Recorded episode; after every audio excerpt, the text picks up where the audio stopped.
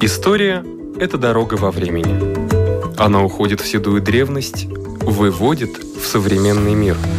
Она показывает, рассказывает, объясняет. И не перестает удивлять. Живая история.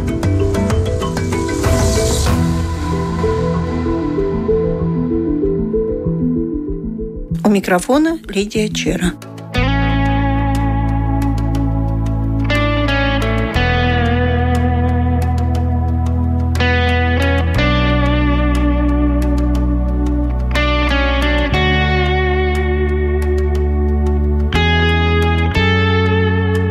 Свое время, когда я была еще студенткой, моя тоже подружка-студентка говорила, что очень нравятся мужчины в форме. Наверное, в этом что-то есть. И в Музее истории Латвийской железной дороги можно увидеть формы, конечно, железнодорожников, которые были, я даже не знаю, с какого времени, заведующая музеем Ева Петерсона. С какого времени у вас здесь есть вот элементы формы железнодорожника? В нашей экспозиции можно увидеть формы, начиная уже с того времени, как э, железная дорога появилась в Латвии. Российская империя, период, когда в Латвии построены первые железные дороги. Это более 150 лет назад? Да, это ну, начиная 1858 года. И железные дороги сразу с того времени, как они появились, внедрили форму. И форма должна была быть не только потому, что хорошо выглядит. Если у человека такая а, стать. Э, да. Но самым главным, почему внедрили форму, чтобы различить железнодорожника от остальных. И смысл безопасности, потому что если дежурные по станции, которые выходят на перрон встречать поезды и должен давать знак машинисту, то его должны отличить. Ну, и, естественно, да. И самым главным предметом для различения дежурного по станции является фуражка с красным верхом. И потом mm-hmm. только остальная одежда. Ну а одежда, как она выглядела, это уже символ того конкретного времени, когда эту одежду шили. И моду тоже влияла на форменную одежду железнодорожников. Но наши дни самое главное, она должна быть удобна, и, например, те, которые работают поблизости рельса, они еще должны быть тоже и увидены и в ночное время, и в дневное. То есть очень яркие обычно у них форменная одежда. Что... Ну и какие-то отстаротые должны да. быть, да? Да. Отражатели. Отражатели, да. да. Но это не про то время, о которое мы говорим в музее. Да. Вот здесь есть фуражка с красным верхом. Это самое первое. И была единая форма для всех железнодорожников? Или в Латвии были какие-то особенности? В Российской империи форменная одежда была почти единая. Могли отличаться пуговицы, кокарда на фуражке. Но после провозглашения независимой Латвии, когда все железнодорожные линии на территории Латвии управляла Латвийские железные дороги, тогда внедрили единую форму единую для Латвии да, форму. Да. И какого цвета она была? Форменная одежда коричневого цвета. Здесь есть какой-то фрагмент? Нет? Да, у нас э, мы видим... Э, Давайте тут, подойдем. Это у нас выставлен типичный пиджак 20-30-х годов. Он очень похож в какой-то мере на форменную одежду армии, но все-таки отличается. Mm-hmm. Мне особенно нравятся клапаны верхних карманов. У них такая интересная форма, которая уже сразу можно сказать, что это ну, почти железнодорожник. И еще интересно то, что латвийские железные дороги это был государственное предприятие, и железнодорожники были и чиновниками. Их считали чиновниками, и они на своей форменной одежде могли использовать герб государства. И если посмотримся на пуговицах, у нас маленький герб Латвийской Республики. А брюки были галифе или ровные? Нет, прямые ровные брюки. И форменную одежду носили только те, которые посредственно работали с клиентами. Дежурные по станции, весь персонал станции. Но, например, инженеры, которые работали в управлении, они не носили форменную одежду, у них была обычная одежда. А машинисты? Машинисты тоже носили, но потому что они все-таки работали в других условиях, чем станции. У них был черный такой рабочий сюртук и кожаная фуражка. Но в то время было быть очень почетно железнодорожникам? Да. Конечно, потому что это хорошо оплачиваемая работа, это престижная. Нужны были хорошие знания, чтобы работать на железной дороге. Всех не брали. Но, конечно, были и другие стороны работы. Например, ты как человек, который, например, работал в Риге, тебе через какое-то время можно было переместить в другое рабочее место, то есть любое место Латвии. И если не ты не соглашался, тогда нужно было уходить из работы. И железнодорожники дорожников было очень много, потому что было много узкоколеек, если мы говорим после Первой мировой войны. Это связано не только с тем, что узкоколейки. Железнодорожная сеть э, более 3000 километров, которые нужно обслуживать. И, конечно, очень много в то время было ручной работы. И э, в 30-е годы на латвийской железной дороге работало примерно 16 тысяч э, работников. Вообще трудно представить, а сейчас сколько работает, даже понятия не имею. Не знаю. Ну, наверное, меньше. А, не знаю последние цифры. Ну, год назад 10-12 э, тысяч, но теперь уже идем, еще сокращаем. Вниз, сокращаем. вниз, да. да. Новые технологии тоже очень заменяют э, рабочую силу, особенно те работы, которые даже трудно найти людей, которые хотят эту работу делать. Так, мы посмотрели первую. Это фуражка, да? Это не самая первая фуражка, которая была у латвийских э, железнодорожников. К сожалению, в нашем музее нету самой первой фуражки, которую внедрили в 2020 году, 11 ноября. То есть в этом Это году... прямо к дню Лачплесиса? Э, да, прямо к дню Лачплесиса первое распоряжение внедрить форменную одежду, которая, к сожалению, в то время состояла только из фуражки. потому что денег не было ни на что, и для того, чтобы хотя бы как-то различить железнодорожников, внедрили фуражку латвийского типа, так его и называют, и с символом. Символ для латвийских железнодорожников является крылатое колесо, и над ним маленький герб Латвийской Республики. Очень красиво. А фуражку, которую здесь видите, это уже в 23 году начали внедрять полную форму железнодорожника. И здесь у нас рисунок, как же графически выглядит э, форменная одежда.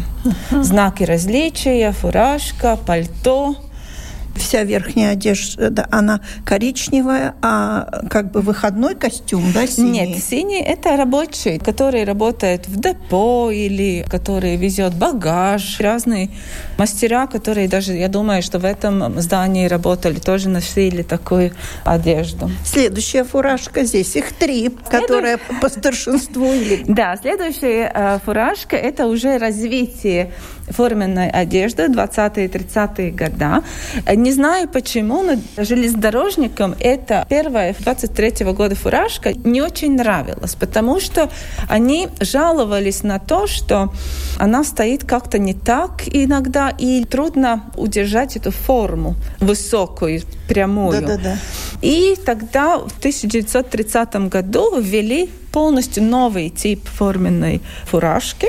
И мы видим уже другая форма и другая кокарда. Кокарда, да? Кокарда, да. Ну, очень красивая. Здесь и элементы замши, по-моему, и э, кожа.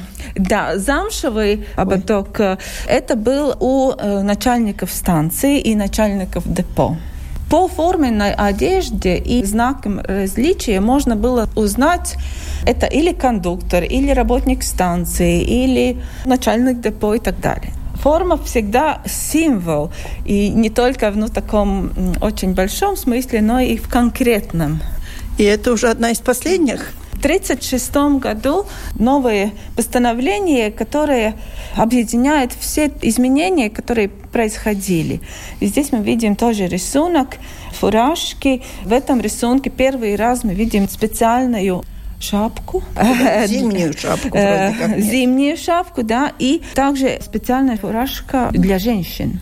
Потому что, во-первых, они носили такую же самую фуражку, как и мужчины, а теперь женщины носят такую лодочка, да? Или... Ну, такая, как да. лодочка, да. А вообще среди машинистов, начальников станции ведь женщин в принципе не было. О машинистках не знаем, но в станциях много женщин работало, и были заместители начальника станции. Пару знаем, и есть у нас и даже пару фотографий, где видны, что они тоже занимают такие высокие посты. Uh-huh но это уже пониже немножко. Но, честно это... говоря, попроще по сравнению с тем, что было в 1936 году. Да, но это обычная фуражка без красного верха. Такие носили все, которые могли носить фуражку. Но появилась и зимняя форма тоже, я понимаю. Э, зимняя форма тоже была сразу, но просто в этом рисунке она изображена, потому что новая шапка. А так уже в 20-е годы это фактически можно сказать, что перед тем, как шили шинель и обычный костюм, да. работников снабжали зимней одеждой. А обычной шубой, да, чтобы те, которые, например, работали там, охраняли мосты, у них было теплая, теплая одежда да, уже, да, путейцы, да. Ну, тогда другие зимы были. Начнем да. с этого. Да. Мы просто уже забыли, какие зимы были когда-то в Латвии. Да. Э, здесь э, мы еще видим изображение локомотива. Вот вы спрашивали о машинистах. Так да. У них кокарда, то есть внизу герб Латвии э, в оправе дубовых листьев. Дубовых листьев, да. И наверху паровоз. А там это уже, наверное, начальник был какой-то, да? Нет, У которого это, герб был. Э, нет, это простой железнодорожник. Uh-huh. У машинистов видим черная фуражка, герб внизу. И наверху да, и наверху паровозик. паровоз.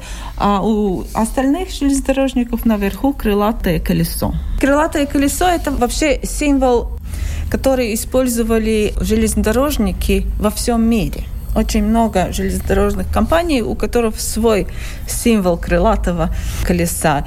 И просто каждый придумал свою форму, свой дизайн, как это изображается. Ну, интересно проследить историю железной дороги только по одежде.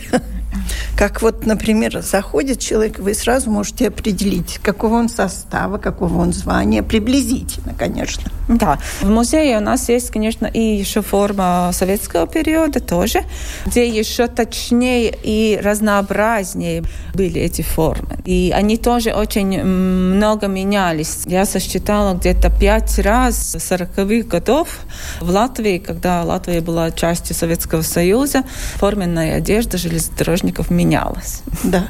А здесь мы обращаем внимание на фуражки с э, конца Первой мировой войны и до начала Второй мировой войны. Да.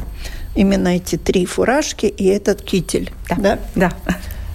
Я хочу сказать, что мы вроде как наметили основные направления этой выставки, а, наверное, в деталях уже надо прийти и посмотреть, потому что я обратила внимание даже на стены. Это станции, да?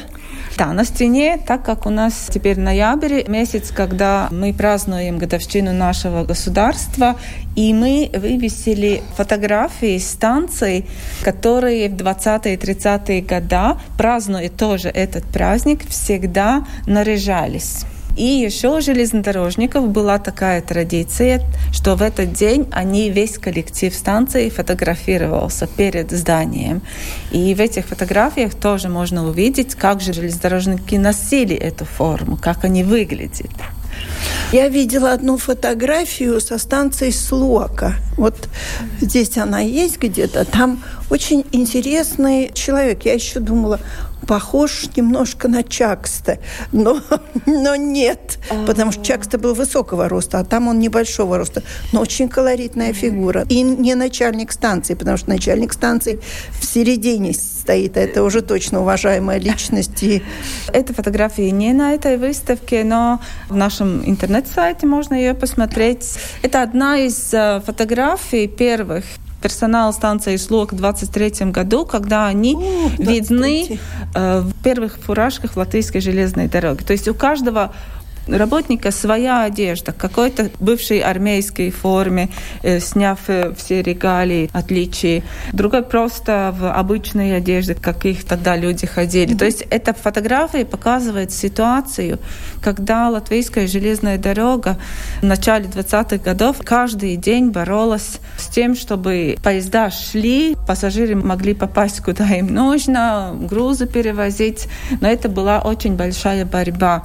И не было еще возможности э, внедрить форму. Да. На этих фотографиях, что на стенах станций, они все живы или это только фотографии уже, а станций уже нет?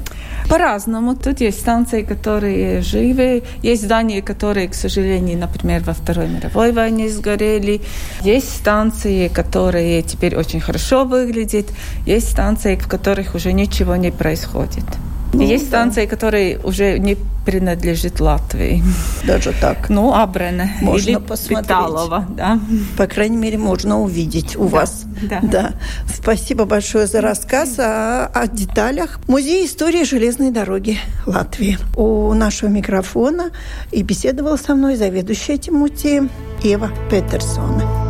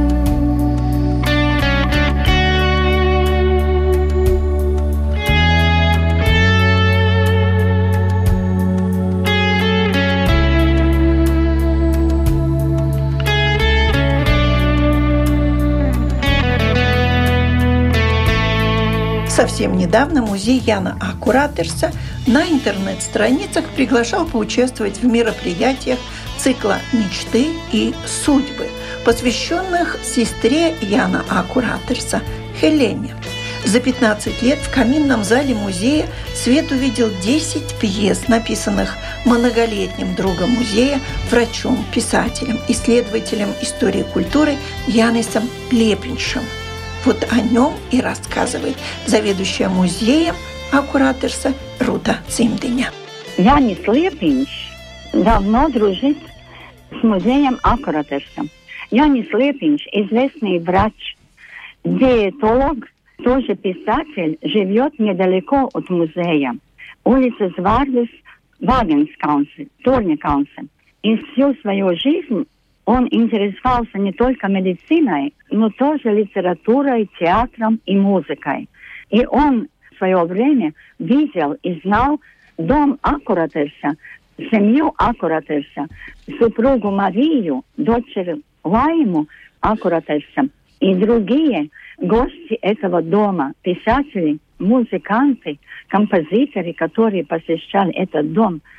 И Лепинчу характерно и то, что он пишет маленькие пьесы, диалоги об известных личностей прошлого времени и этого времени.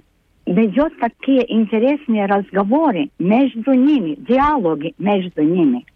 Музею тоже интересует всегда такие моменты, как интереснее рассказывать о музее, о прошлом, о личности прошлого. И так мы подружились с врачом и писателем, публицистом Янисом Лепинем.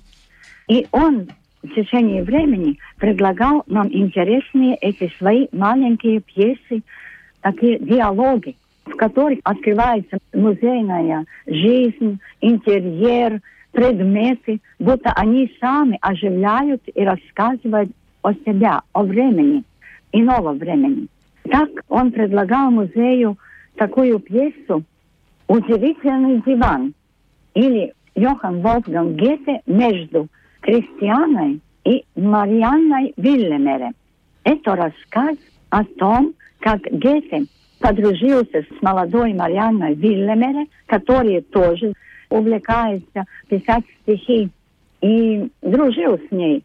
И этот разговор между Гете, его супругой Кристианой и молодой Марианной Виллемере. Произведениями Гете увлекался и Янис Акуратес. И так вот этот разговор о жизни Гете, об стихах, которых тоже молодой Вильямере, эти стихи, которые написала эта молодая актриса, Гете позднее опубликовал в своем сборнике «Удивительный диван». Такое интересное название. И музыка того времени, и эти рассказы в диалогичном форме, но мы играем в музее, как такой комнатный театр. У нас тоже есть такие интересные занавесы, каменный зал, камин, рояль Аккуратерса, на котором играют композитор, например, в этом диалоге Иман Земзарис, играет актриса Зана Янчевска, Гирт Яковлев, и в присутствии самого автора Яниса Лепинша. Это интереснее, чем мы так просто рассказывали о Гете. Но там раскрываются такие моменты жизни ну, такого масштабного поэта, как Гете. Так мы рассказываем и о истории, например, Национального театра. Лепинч написал тоже такой диалог пьесу «Страсти по театру и любовь». В этом рассказ, диалог Алиси Брехмана Штенгеле, актриса Национального театра, и композитор, музыкальный руководитель Национального театра Янис Калнинч. Между ними была переписка, которую изучал Янис Лепинч и сделал такую маленькую пьесу-диалог. И эта пьеса посвящалась столетию Национального театра. Как мы знаем, Янис Акуротельс участвовал при создании Национального театра в 1919 году. И там произнес и свою речь о театре, о значимости театра, театральной жизни. Акуротельс был очень близок к театру. Потом еще другие пьесы. Например, Акротес очень любил музыку. Любил Штрауса, Дазни, Алфреда Калниня, Вагнера, Бетховена и так далее. И даже у него есть стихи о музыке, о композиторах, которые посвящаются композиторам. И Лепнич создал такую пьесу, такую маленькую Шубертиаду, какие были очень популярны во времени Шуберта. Опять эта маленькая Шубертиада игралась в нашем каминном зале театра. У рояля был Иман Земзарис, играл музыку Шуберта. В роли Шуберта был Янис Вимба, теперешний директор театра, тогда актер Национального театра. И опять игралась эта маленькая пьеса, маленький такой интересный диалог. Всегда этих диалогах была музыка того времени, музыка, которую любил или Акуратес, или Шуберт, ну и другие, которые участвовали как герои этих маленьких пьес. Потом у нас еще игралась такая маленькая пьеса Яниса Лепиня «Гость из города Плявинес». В городе Плявинес на берегу Даугави жили две братья. Писатель Карлис Штраус и художник Александр Штраус. Конечно, они тогда тоже во времени Акротеса были в его доме, а теперь в музее, будто они опять пришли, и происходит разговор. Разговор Марии Акуратес, супруги Акуратерса, между этими братьями Штраус, Александр Штраус и Кардис Штраус. Об их романах, об их картинах и о жизни встречи раньше с Акуратерсом, о моментах в культуре, о романах, например, «Война», который написал Карли Штраус, о Первой мировой войне он написал книгу, свой роман. И как они теперь проживают, что они думают об искусстве, как они воспоминают Аккуратерса. Опять мы включаем моменты из жизни музея, из личности Аккуратерса, его жизни и с его современниками, этими двумя братьями. Всегда Янис Липинч был в музее и тогда, когда происходит так называемая Ночь музеев. Это всегда была в мае месяце, когда много людей искали в музеях новых рассказов. И всегда ждали каких-то интересных рассказов. И Янис Лепинч написал такие интересные диалоги для актрис. его возлюбленные актрисы Лидия Пупоре, Зана Янчевска и другие, и, муз, и профессор консерватории музыкальной академии Вентис Зилберт.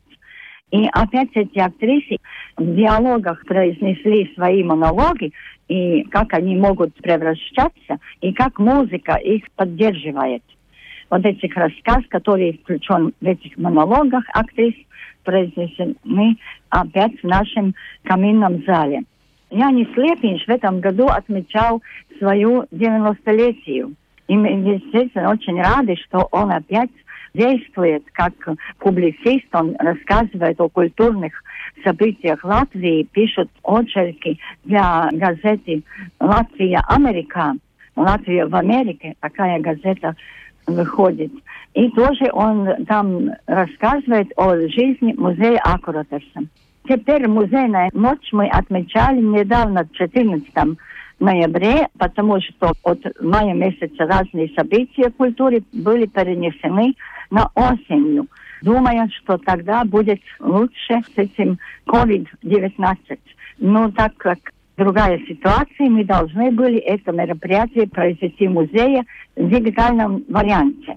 Мы это старались сделать, и опять Янис Лепинч, там мы играли его такой маленький диалог, где сестра Аккуратерса, Хелена Аккуратере, разговаривает с мужем Присисом Осис, который был в Сибири, возвращался и опять вернулся к Лайме Аккуратерсе, своему сыну Янису Осис, а теперь наступило время, когда Елена Аккуратерс и Янис Осис остались в доме Аккуратерса одни без других представителей семьи, которые уже умерли и похоронены в лесной кладбище. И они вспоминают, как прошла жизнь в этом доме, как прошла их личная жизнь, что они вспоминают, музыкальные пьесы вспоминают. Так, опять был Вентис Зилберт, который играл эти пьесы на рояле Аккуратерса. И такая интересная тоже пьеса, диалог, где участвовали Лидия Пупоре, и Герц Яковлев, и музыкальный педагог, который играл Вентис Зилберт. И рассказ был о времени 1972 третий, четвертый год, как дом Аккуратерс, только два родственника остались. Елена Аккуратерс и муж Лайми Критис Осис. Конечно, там были радостные моменты и тяжелые моменты, которые пережила вся Латвия. Осис был арестован, и его семья была сослана в Сибирь. Но он вернулся через 20 лет. Как эта вся жизнь прошла, надо, конечно, вспоминать все самое хорошее, и надо интересоваться музыкой, искусством, которые лучшие лекарства против COVID тоже. Ну, такая была очень хорошая рассказы, опять через театральные моменты, через артистов, актеров музея Аккуратышна. И музей должна продолжаться наша жизнь, но уже без ковида, и в этом может помочь искусство и музей тоже, который сохраняет эти моменты искусства. У нашего микрофона была заведующая музеем Яна Аккуратерса Рута Цимдыня.